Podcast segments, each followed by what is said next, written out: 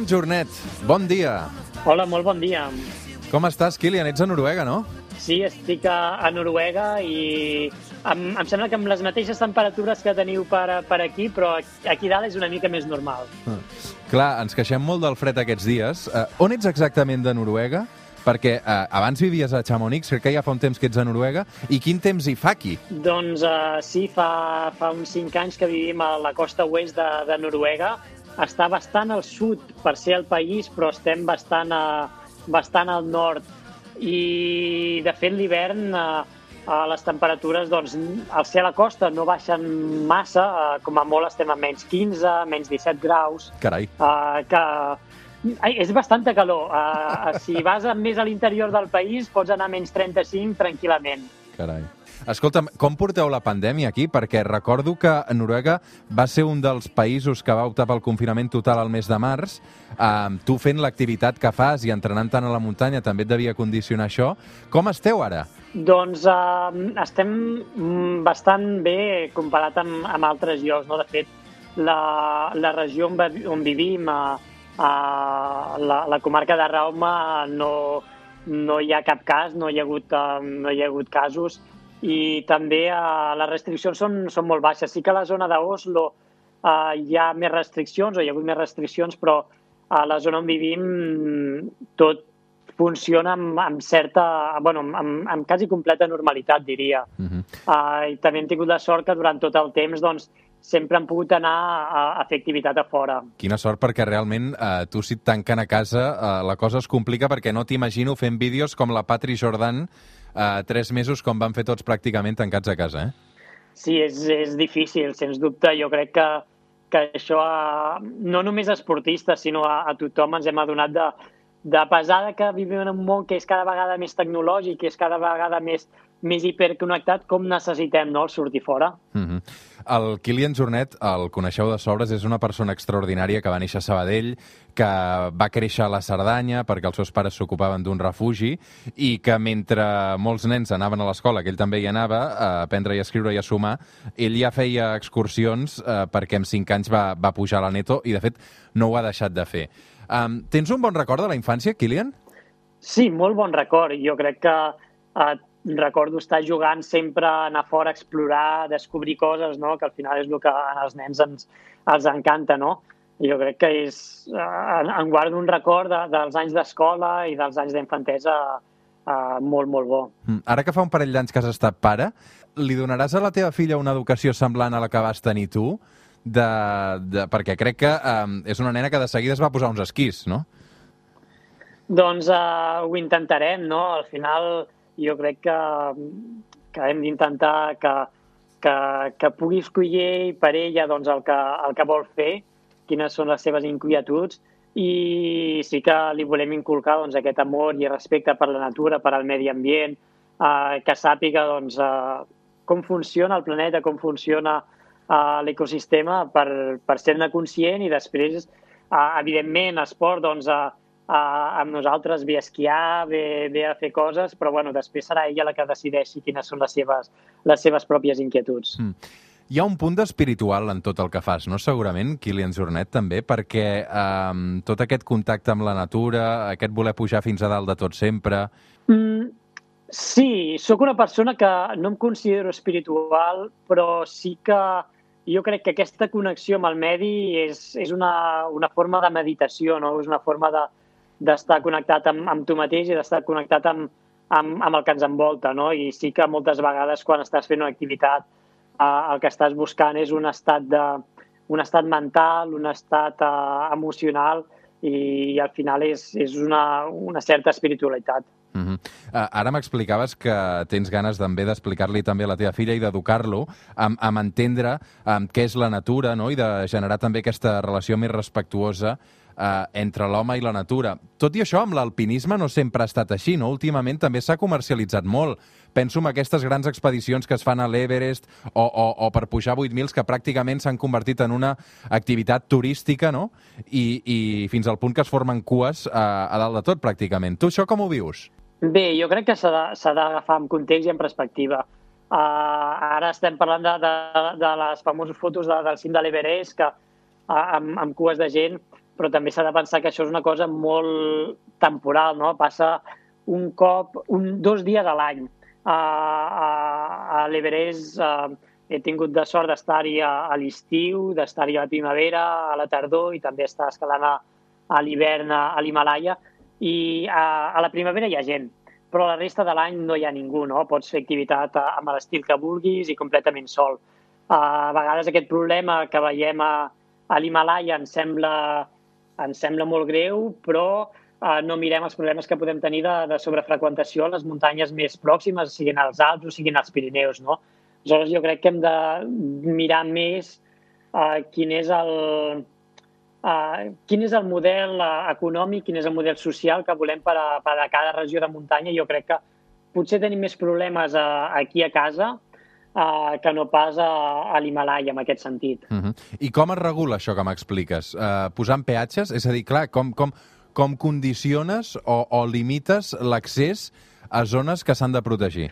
Doncs uh, és una qüestió que és, és complicada, perquè Depèn de molts factors i, i, jo, jo tampoc en sóc un expert. Eh, de fet, jo crec que aquesta discussió és una discussió que és, és de, dels experts de, medi ambient, dels experts de, de gestió forestal, és una, gestió, una, una discussió política també, però podem veure que models molt diferents, eh, per exemple, el model escandinau, que és eh, el right to roam, que és bàsicament que qualsevol terreny, sigui públic o privat, eh, qualsevol persona pot fer activitat, pot acampar-hi, pot eh, a recollir bolets o, o, o fruits del bosc, és a dir, no hi ha, no hi ha cap tipus de limitació um, i funciona, és a dir, la gent té un gran respecte per, aquest, uh, per al medi i no, mm, no fan un ús d'aquests recursos naturals uh, gran o, o que, que no sigui sostenible. I a l'altre costat tenim el model de, dels parcs nacionals americans, que és una regió uh, són unes zones on hi ha una, una protecció i una regla, unes regles molt, molt estrictes. No? Dintre un parc nacional dels Estats Units doncs, moltes vegades no podràs sortir del camí, has de demanar una, una autorització o has d'agafar un permís a mesos d'antelació. Aleshores, són dos models que estan a l'oposat i els dos, en certa forma, funcionen. Jo crec que hem de mirar quina és l'especificitat, ja, ja sigui de, de la biodiversitat del territori que, que hem de protegir i, i veure també quin és el context uh, social i cultural de, de la zona per, per trobar el, el, punt, el punt clau. Jo crec que uh, es basa tot, o l'ideal és la sensibilització i la responsabilitat de la gent. Per arribar en aquest punt, a vegades s'ha de passar per, per la regulació, malauradament.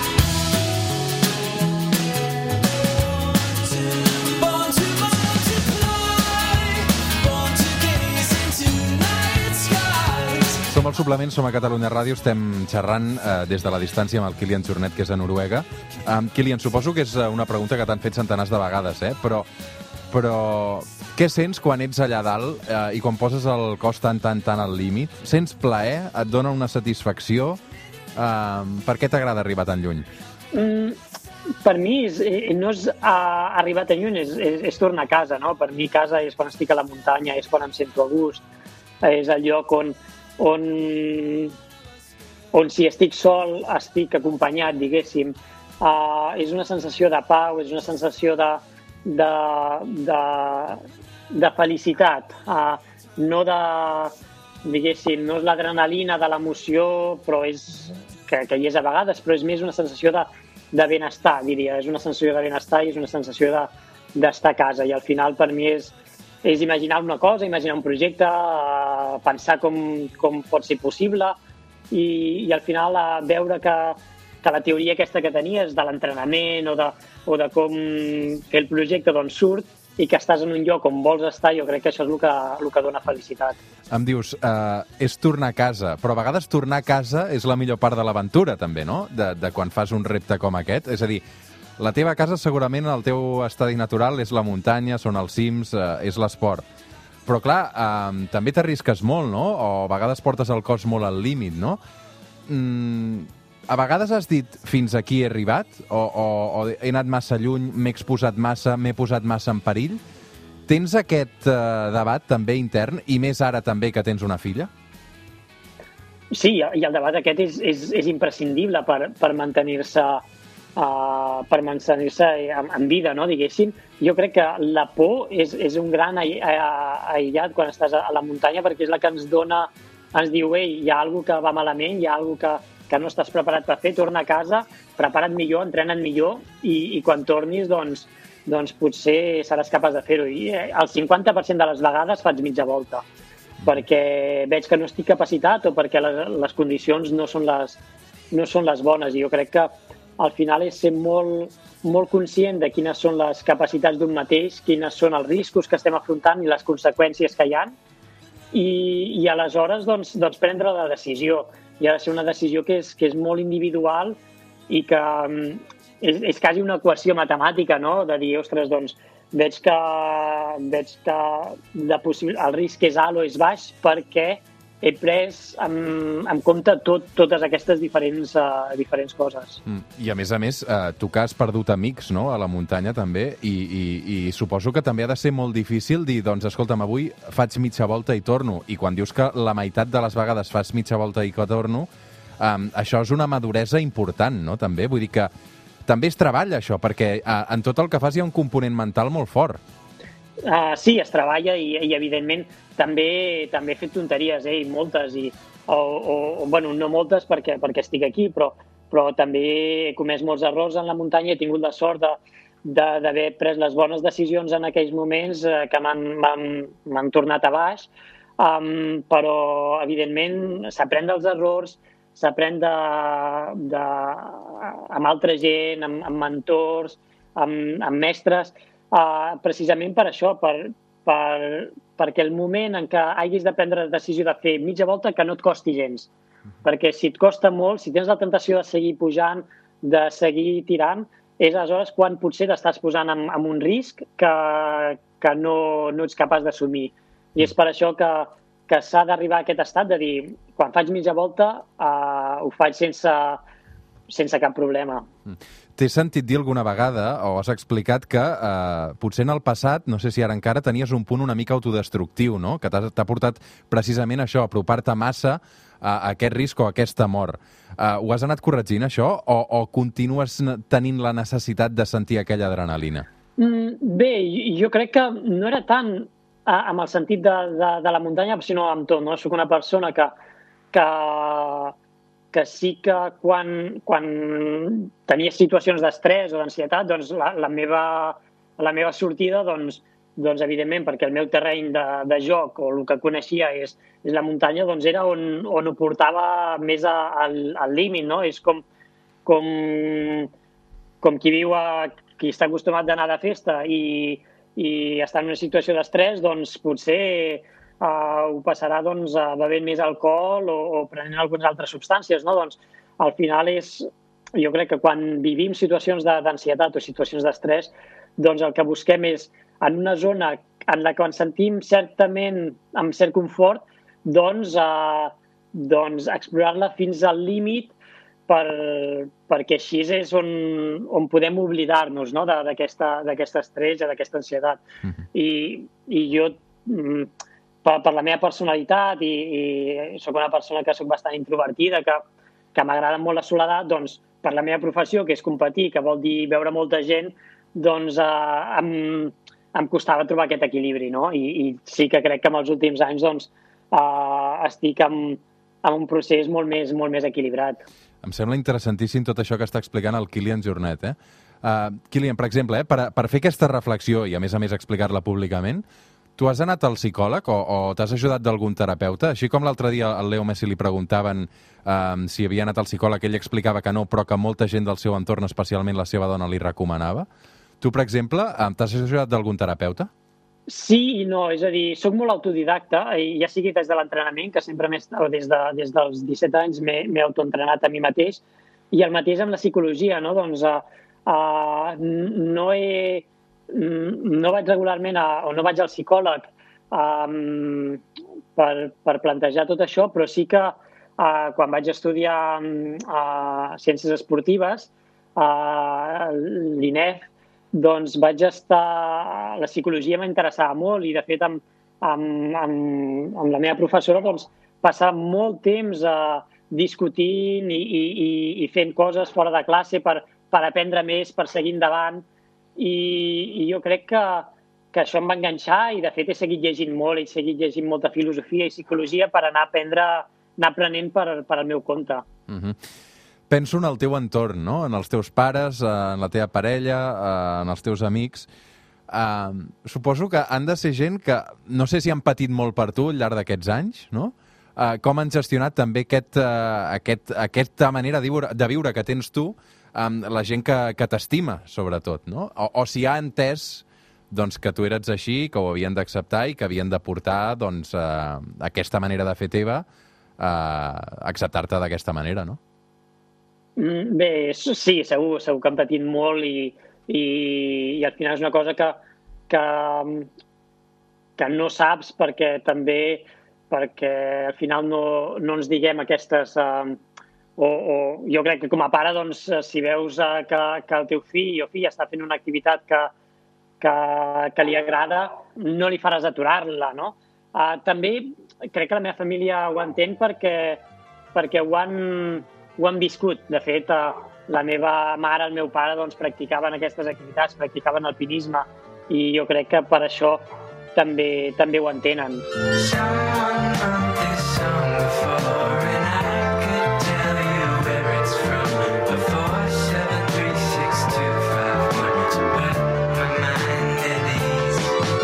explica'm com veus la Terra eh, quan ets al, al cel o al cim. Um, doncs uh, jo crec que la veus de, de la mateixa manera, però les coses semblen molt més fàcils. Després, quan tornes a baix, es compliquen igual, eh? Però quan estàs allà dalt, la, ho, ho veus tot més senzill, no? Els problemes dius, ostres, per què no ho fem d'aquesta manera per resoldre'ls? Um, jo crec que perquè passes molt temps allà dalt, tens molt temps per reflexionar i, i buscar punts de vista. Jo crec que una de les grans coses, de les millors coses d'una expedició, és que passes molt temps sense haver de, de treure conclusions, sense haver de formar-te una opinió. No? Que pots començar a pensar una cosa i pots uh, anar-te'n a dormir sense haver, sense la necessitat de, de treure'n una conclusió que avui en dia hem de tenir l'opinió, una opinió feta, hem de tenir una conclusió a l'instant, no? I, i això, això quan, quan estàs fent una expedició no passa perquè, perquè tens molt temps i, i et, et dona la llibertat de, de pensar sense, sense, sense haver de tancar aquests pensaments. Mm -hmm. Kilian, veig que t'agrada molt parlar del temps, eh, que és un tema fascinant, i, i mm, clar, el temps passa per tots. Eh, tu també et fas gran. Quants anys tens ara, Kilian Jornet?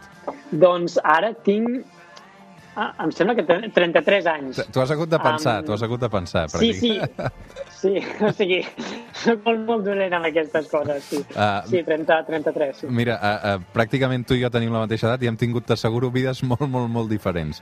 Uh, amb 33 anys, clar, uh, el cos uh, es comença a fer gran, no? Tots envellim. A tu et fa por envellir? No em fa por, però, però segur que tindré pànic quan, quan vegi que arribi, no? És a dir, um, jo crec que que és una de les, de les coses més, més difícils o, o que, que més... Uh, uh, sí, que, que s'han d'acceptar, no? que s'han d'acceptar que uh, el nostre cos era capaç de fer unes coses i ara no és capaç de fer-les, no? I estic molt, molt satisfet amb, amb el que he fet i, i, i molt...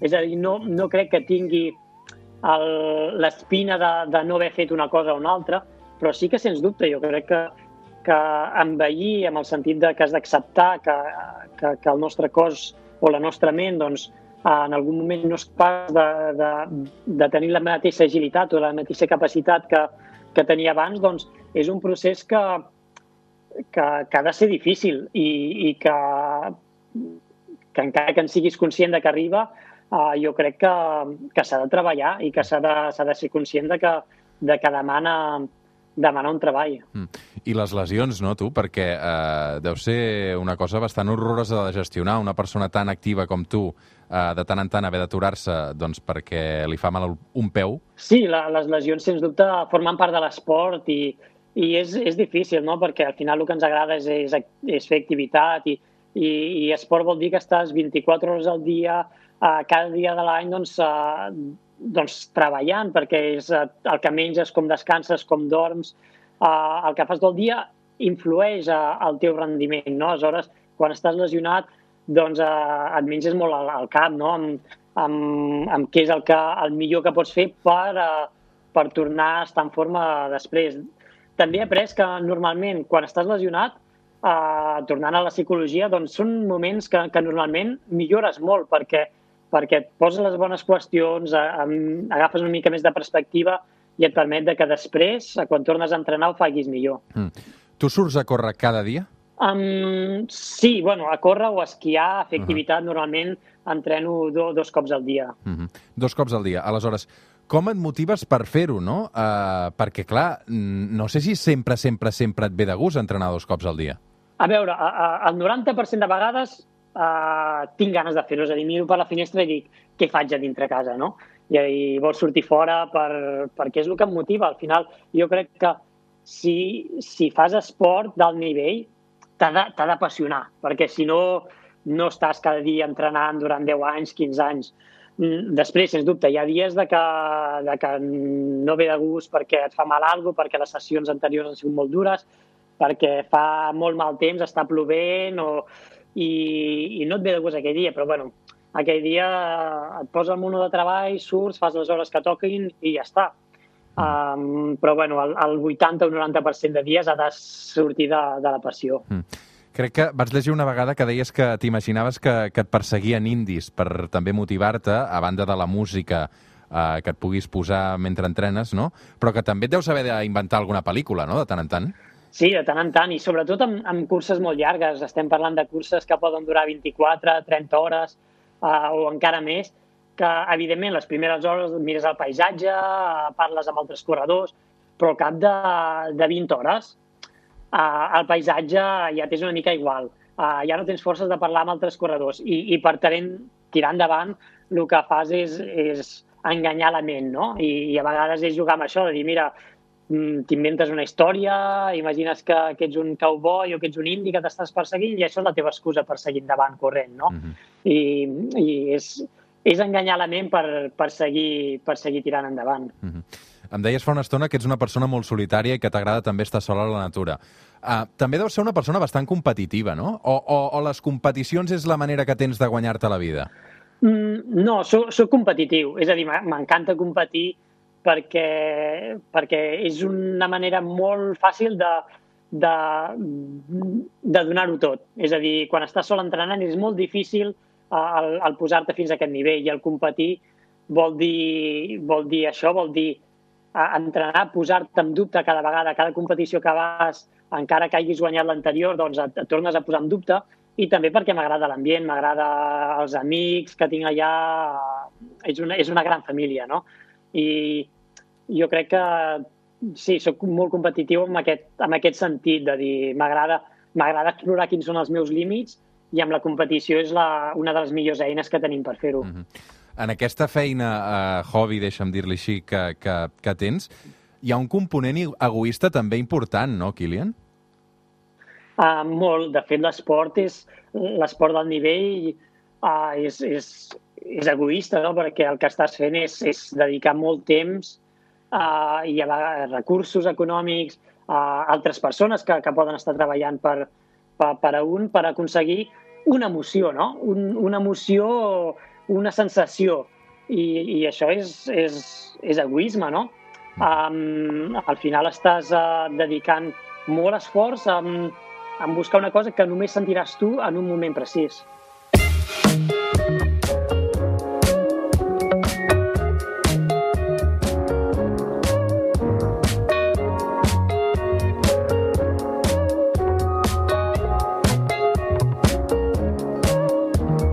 Vaig acabant, uh, Kilian. I et veus tornant a viure a Catalunya o, o els Pirineus uh, no són prou alts per tu?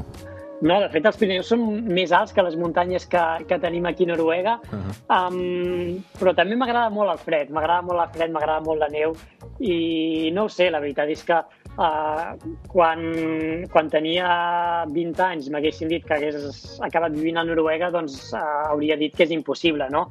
I ara estic aquí, és a dir, a fer plantejaments així de futur, doncs, no sé, els Pirineus són les muntanyes que m'encanten, que, que cada vegada que, que torno doncs, uh, m'hi trobo casa, no? I, i no, sé, no sé on ens portarà el futur, però bueno, uh, m'ha portat fins aquí, que és un camí que mai hagués, hagués imaginat. Mm -hmm. Kilian Jornet, moltes, moltes gràcies. Una abraçada ben forta des de Catalunya cap a Noruega. Uh, molta sort amb tot el que fas i m'agrada molt poder-te entrevistar per fi. Moltes gràcies a vosaltres i una forta abraçada a tots. El suplement. Ràdio amb esperit de cap de setmana. Amb Roger Escapa.